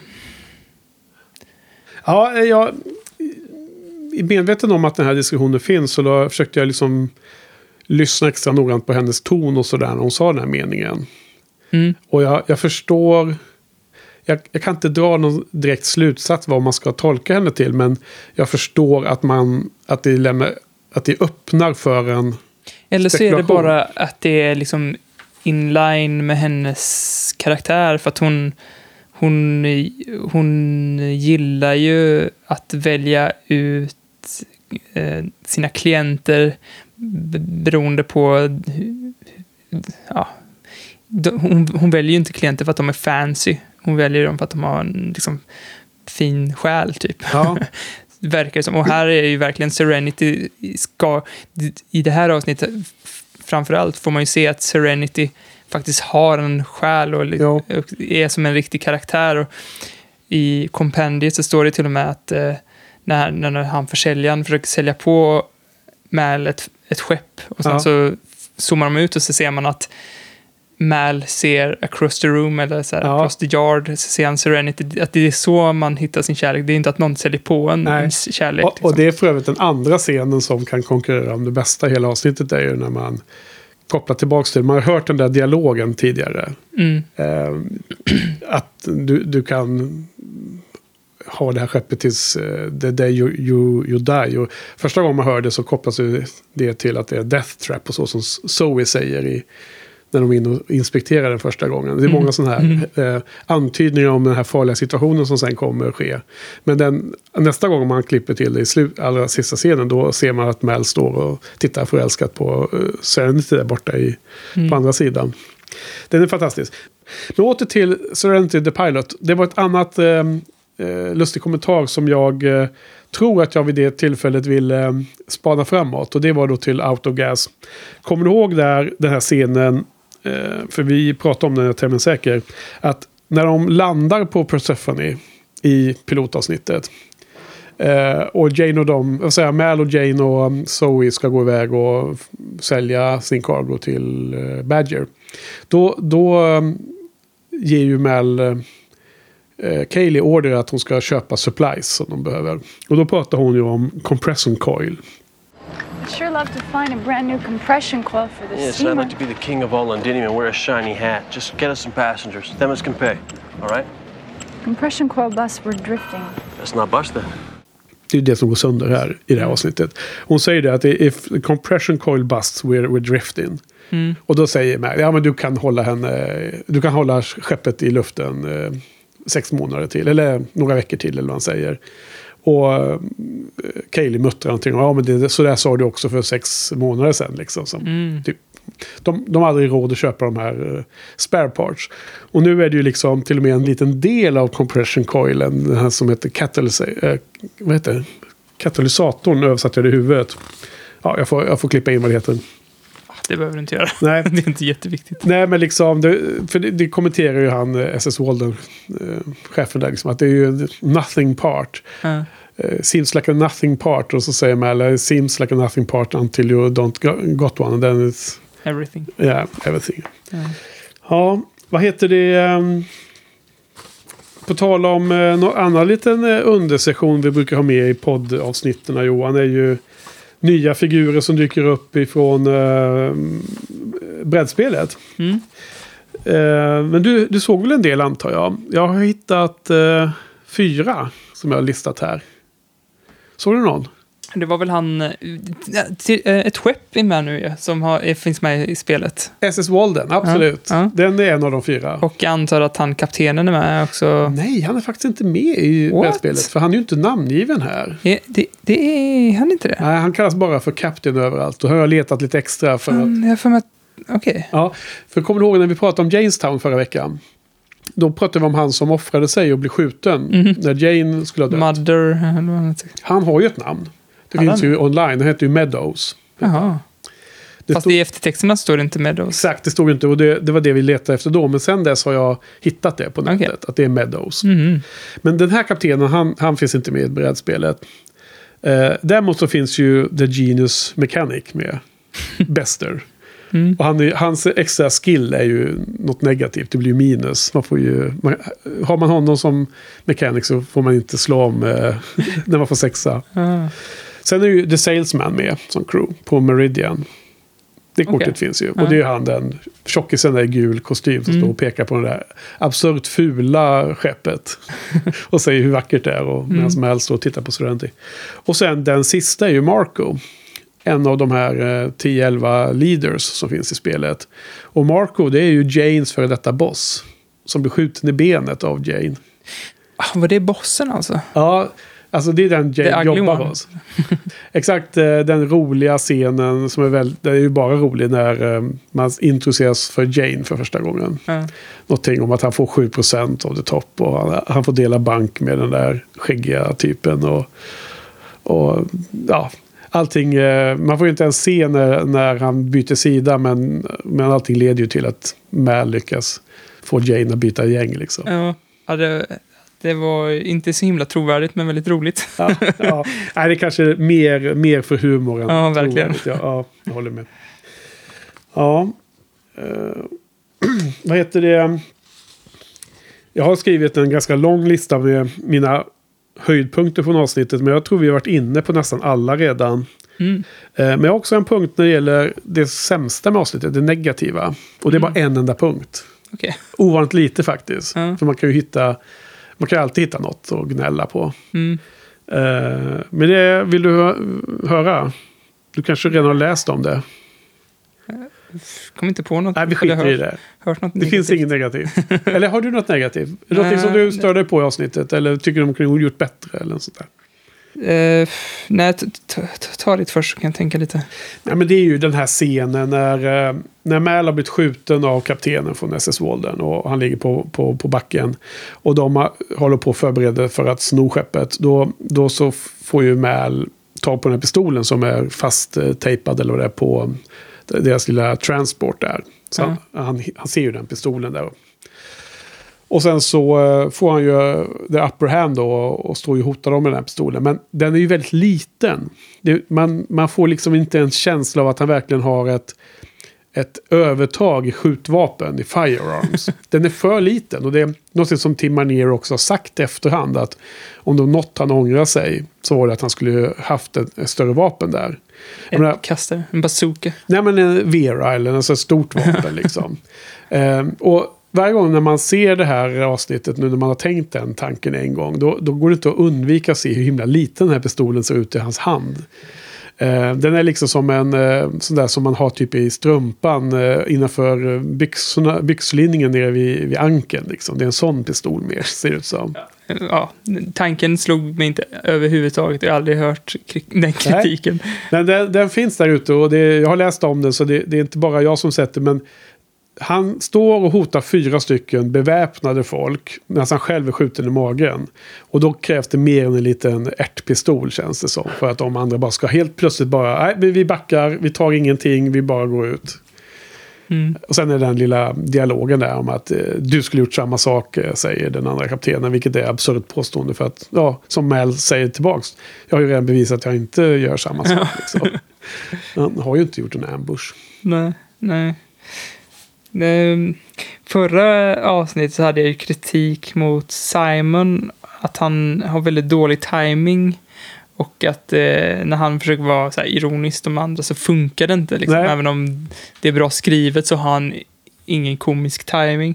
Och i det här avsnittet gör de ju en grej av det när de sitter, Ja, för övrigt när de sitter där och skrattar metainformation igen. Men då har ju någon i crewet sagt att när eh, Book börjar skratta så blir alla, bara- så ska alla bara vara tysta och titta på honom.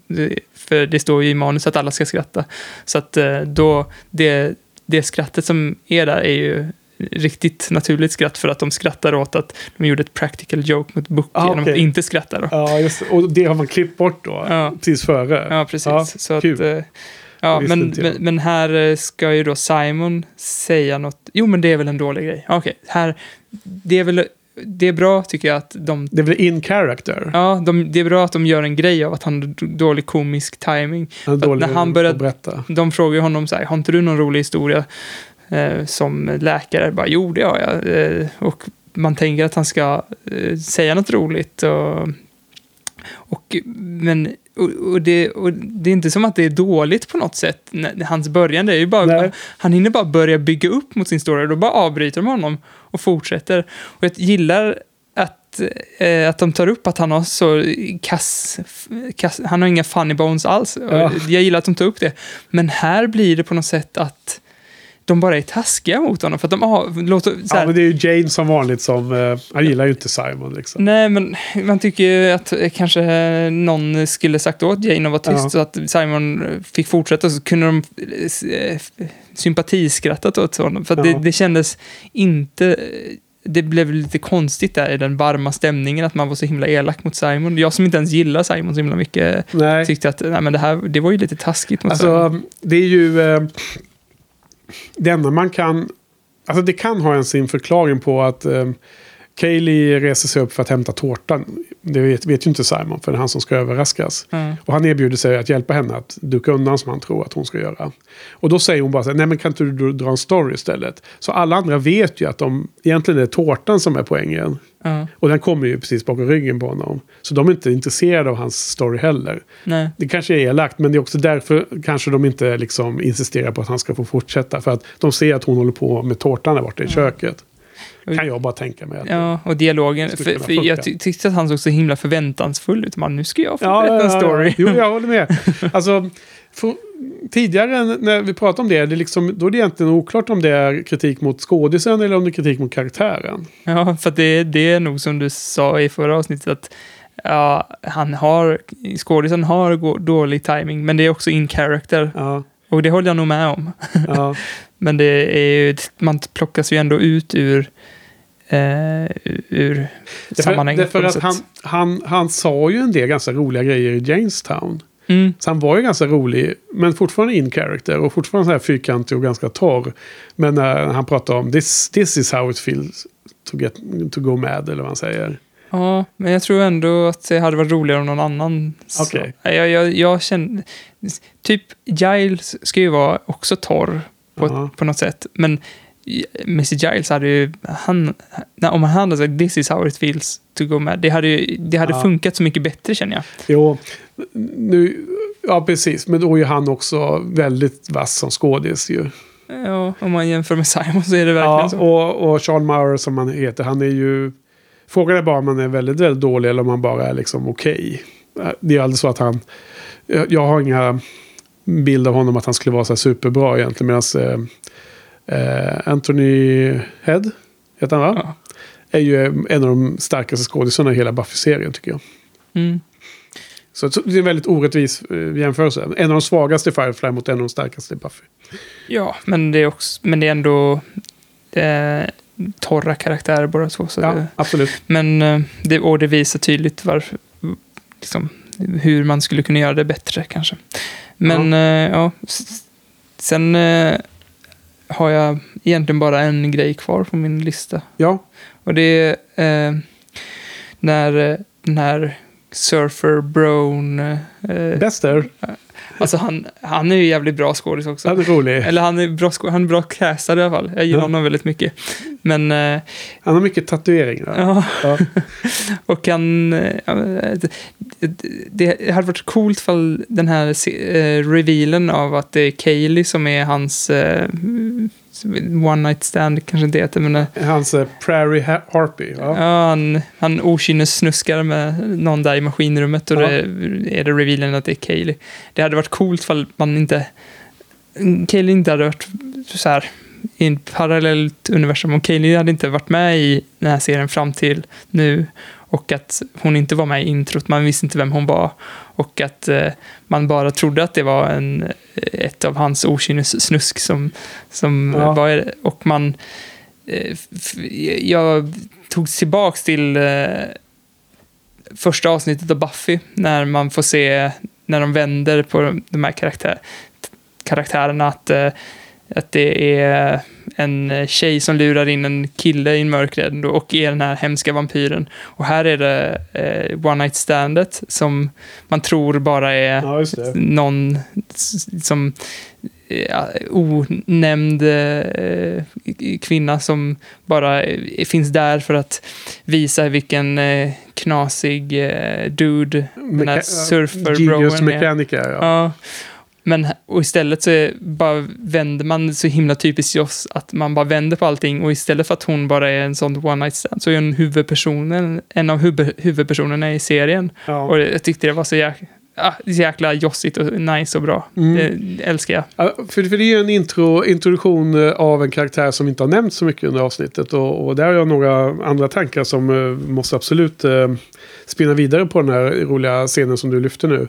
Att, eh, för du har också tidigare sagt att Kaylee är för gullig, va? Ja, Eh, och här visar man ju andra sidor av hennes, vilket Ja. jag, jag tycker är väldigt härligt. och man bara för, fördjupar hennes karaktär hela Ja. tiden. Att hon, att hon eh, är lite så här, att hon är både gullig och raunch. raunch. Jag kommer inte på något Mm. Ja, bra men ord, hon men är- lite så här raunchy. Hon är lite rough on the edges och hon är, jag menar, bäst säger så här, she, she, she gets hot of, of machines eller vad hon säger. Ja, När Mal frågar varför de inte är hans, eh, hans rum liksom. ja. Så att ehm, där kan man också säga att eh, på både DVD och Blu-ray, jag tror det är precis samma. Om man har på textningen då, som man ofta ser eh, amerikansk tv-serie med engelsk textning på. Då avslöjas det ju att det är Kaylee före man ser att det är hon, vilket är jävligt irriterande. Ja, det märkte jag när jag såg det andra gången. Första gången såg jag inte Du såg tänkte inte på det då? Nej, Nej, det, det stör mig alltid liksom att fan, man får lägga ner lite mer jobb på textningen så, så att man liksom synkar det med vad som är, vad som är det dramatiska flödet det i, i avsnittet. Mm. Så jävligt irriterande. Och visst, man, man får stänga av det då, men då, då tyvärr hör man inte allt de säger. Nej, För ofta är det ju dialog samtidigt som det är annat ljud. men frågan är om det är... jag vet inte, men att jag har olika textningar på. För att jag kanske hade svensk textning och sen så den engelska textningen vet jag att jag hade på andra gånger jag kollade på det och då var det typ lite så här för döva. Att så här, ja, precis. Eh, hard of hearing-textningen där det står lite förklarande text. ja, att det är lite för mycket information där i Och, textningen. men då, då står det ju woman eller girl först. Står det. Första gången hon säger något. Då är det bra. Alltså, Ja. För då är hon oidentifierad. Men sen, precis när man ska se henne säger hon någonting. Och då står det Kaylee kolon. Ja, men det, det såg jag. Ja, och det är jävligt irriterande. Det är liksom, man Ja, ska med. vänta det en gång till. Ehm, men sen, sen då att den, eh, den lite oväntade sidan som hon verkligen tycker jag fyller upp i kommande avsnitt. För det finns ju fler gånger när hon är lite, lite rolig i dialogen. Och det finns framförallt en eh, lustig scen i långfilmen där hon är väldigt eh, vass.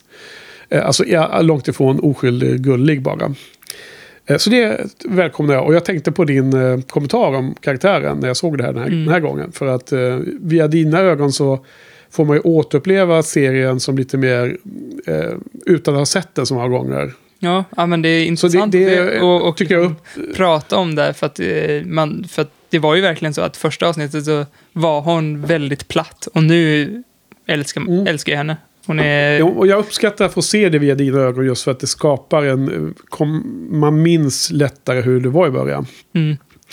Och på tal om något helt annat som inte har så mycket med Kaeli att göra, men, men lite, samma, lite um, triggad av att du sa att tänk om man hade sett det här utan att eh, ha sett karakt- hennes karaktär innan. Vilken bild man... eh, Alltså var man blivit så lurad av Joss då att, att, eh, att hon då som skulle vara en, en viktig karaktär i, i, i serien. Mm.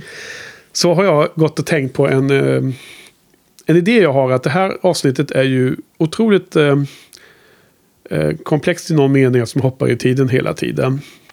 Men trots det så tror jag att det skulle vara ett ganska bra introduktionsavsnitt. Ja. Nej, nej, fel av mig. Jag har funderat på om det skulle vara ett bra introduktionsavsnitt.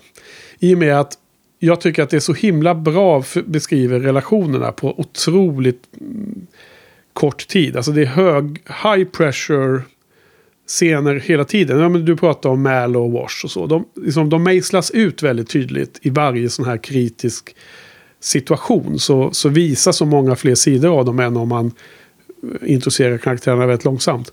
Och sen har vi massor med flashbacks med eh, faktiskt origin stories från flera av de här karaktärerna. Och då har jag bara tänkt så här att tänk om man skulle ha den möjligheten att man har någon som är intresserad av film eller tv-serier och gillar science fiction och är liksom vet hur normalt sett en sån här serie vis, eh, som beskrivs och introduceras. Och så gör man då testar man, prövar man att visa out of gas allra först. Istället för den här bra introduktionen som jag tycker Serenity the Pilot är. Mm. Det är ju en väldigt bra introduktion av allting. Allting förklaras och sätts upp och hela världen beskrivs och fylls ut och så vidare. Men man undrar lite hur den skulle uppfattas. Det skulle vara Så det väldigt får kul. bli nästa experiment. Ja, men det är ju... Ska vi testa på Marcus eller? Ja, precis. Alltså det kräver ju någon som så att säga... Eh, eh, inte önskar en långsam presentation av, av karaktärer. Nej, Utan- men det utan- önskar väl inte Marcus va? Nej, det är möjligt. Och det andra som krävs är att han inte har sett serien. Så är det så med Marcus Ja. Eller? Så är det. Därför att till exempel David då, som vi hade här förra veckan, han har ju sett serien. Både en och två gånger. Mm. Men han, han skulle ju vara perfekt annars. Um, med tanke på att han reagerar så positivt på Bu- Buffy menar jag. Så han skulle vara liksom rätt. Mm. Jag vet inte om, eh, om eh, Marcus, om du tror han gillar stilen till att börja med. För det är ju en annan parameter jag tror. Jag tror att han skulle hata Buffy. Jag tror att på, så här, när vi pratar om det så han är nog väldigt skeptisk till Firefly. Men jag tror att, jag tror att om vi visar Out of Gas som första avsnitt är det perfekt för Marcus. För jag tror att eh, ja, men Train Job, ja, men det är väldigt rafflande eh, avsnitt, men jag tror att han kommer sam samma kritik som jag, att actionscenerna är för billiga och det är väldigt actionorienterat avsnitt. Eh, och första dubbelavsnittet är bara för, för långsamt för, Ja. för Marcus. Jag tror att eh, Out of Gas är perfekt för Marcus. Men, men det måste vara med hög volym. Och helt... Man måste koncentrera sig. För jag tror, ser man det första gången utan sett någon annat avsnitt. Inte sett en minut Firefly. Mm, då måste man verkligen ge det chansen och verkligen vara koncentrerad. mm. Och sen med textning på då förstås. Ja. Så, att, så att man slipper Vi sitta... försöker hitta någon textning där inte Kaeli har... Ja, fast det har, ingen, det har inte samma betydelse. Nej, då. just det. Det Det har har det. lite betydelse att man förstår att hon har ett namn och så. Fast har man sett Kaeli innan i det här avsnittet? Innan man... Eh, ja, men det har man ju förstås. Det här är ju inte första gången man ser henne. Man, Nej. alltså, eh, väldigt tidigt så, så flashar det tillbaka till middagen där alla skrattar och så. Ja. Då är alla med. Ska vi spola förbi introt för honom? Alltså Mm. intro, introlåten. Nej, men det börjar ju med en helt tyst scen. Jo, men de visar ju intro... De har en prolog och sen har de introlåten. ja. Men ska man spola förbi den, tänker jag, så att man inte ser Kaeli? Nej. Men vänta lite, i intro ser man karaktärerna? Ja. vad dum jag är. Jag har sett den för många gånger så man... Men Man man, får ju se. Kaylee, men man kanske inte tror att hon är Fast, huvudperson. fast ser man det för första gången så tror jag inte att man lägger märke till det lika Nej, det är tydligt. så många personer som flashar Ja. förbi och det är mer eh, liksom flashes. Ja, Så att, och eh, ja, exakt så. Ja, men precis. Nu, nu, nu börjar de...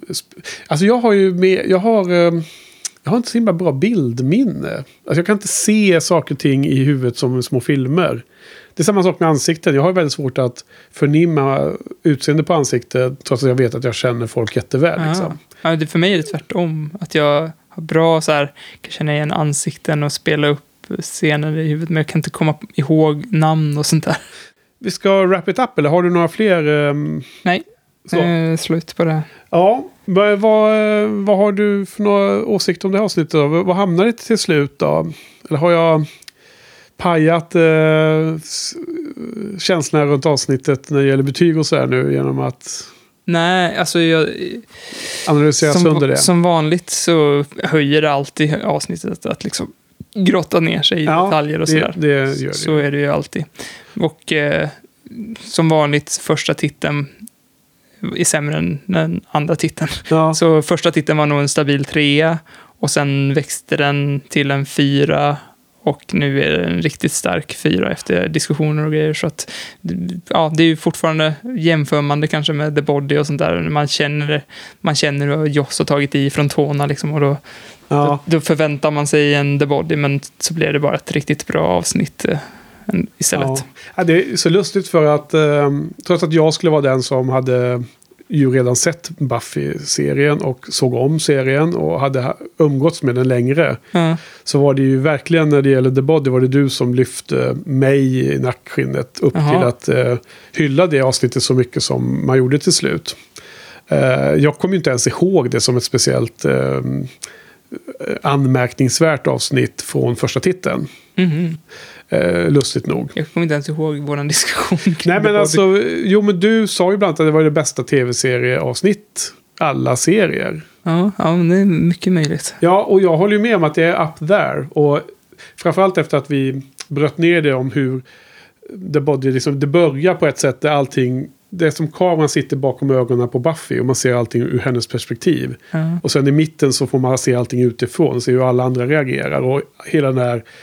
Och i mitten är den här scenen när hon out, som bakom en glasruta berättar för um, Dawn vad som har hänt. Och man får inte ens höra ljudet, men man, man ser bara re reaktionen. Ja. Liksom, då går man från Buffys point of view till den externa point of view. Då, och på andra halvan är det bland annat den här scenen. när- Dawns klasskamraters point of view, typ. Ja, ja, precis i mitten. Men sen i, sen i slutet så är det ju när alla skobisarna står och, och Anja frågar vad, är- vad är döden? Och Mm. Willow blir förbannad och skäller ut henne. Och sen har Anja en jättekänslig eh, saying därefter. Liksom, Mm. En liten monolog som förklarar vad hon menade med det. Och det, det är så fant- fantastiskt. Så att jag håller med om att det, det avsnittet, där blev jag verkligen så här uppuffad av vår diskussion.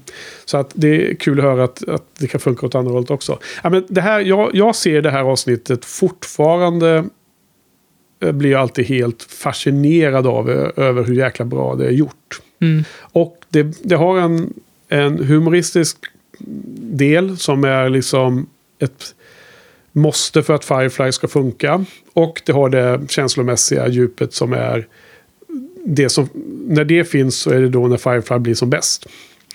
Och för mig är det här, eh, tror jag, jag skulle nog säga det bästa tv-serieavsnitt jag har sett av alla serier. Oj. Eh, det är så som jag alltid har tänkt i alla fall. Sen, Mm. sen jag blev förtjust i serien. Så det är ju 6 av 5 för mig. Det är min, eh, det är min enda sexa. Och vi får väl se här i framtiden. Men det är, det är ju lustigt så att ibland alla fans så finns det ju två avsnitt som det är en jättehård kamp rent eh, opinionsmässigt vilket avsnitt som, man, som fansen tycker är bäst. Då. Man har ju sett massa sådana här eh, fan, omröstningar på forum och andra. Liksom, vilket tycker du är bäst och allt det där. Och då är ju Autogas ett av de två som brukar vara på högt upp på listan. Mm. Nästa gång så, eh, ja, vi är inne i ett väldigt bra spin, stim nu då, skulle jag säga. Och nästa vecka så är det ju ett avsnitt som heter Ariel. Och det känner vi igen från eh, brädspelet. För det är en av planeterna i den blå spacen. Som är uppe eh, väldigt nära där Linnea brukar sitta i blåa spacen.